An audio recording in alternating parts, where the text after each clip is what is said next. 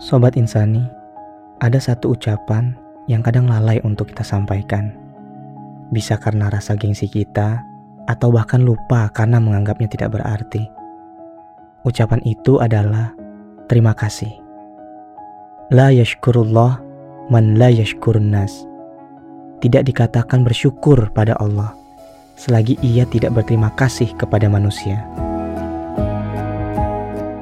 Sobat Insani, apalah guna kita sering bersyukur kepada Allah sementara kepada orang-orang yang sudah menolong kita diabaikan. Berterima kasihlah kepada mereka yang telah membantu kita, sekecil apa pun bantuan itu. Saat kita berterima kasih pada manusia, di saat yang sama kita sedang bersyukur kepada Allah.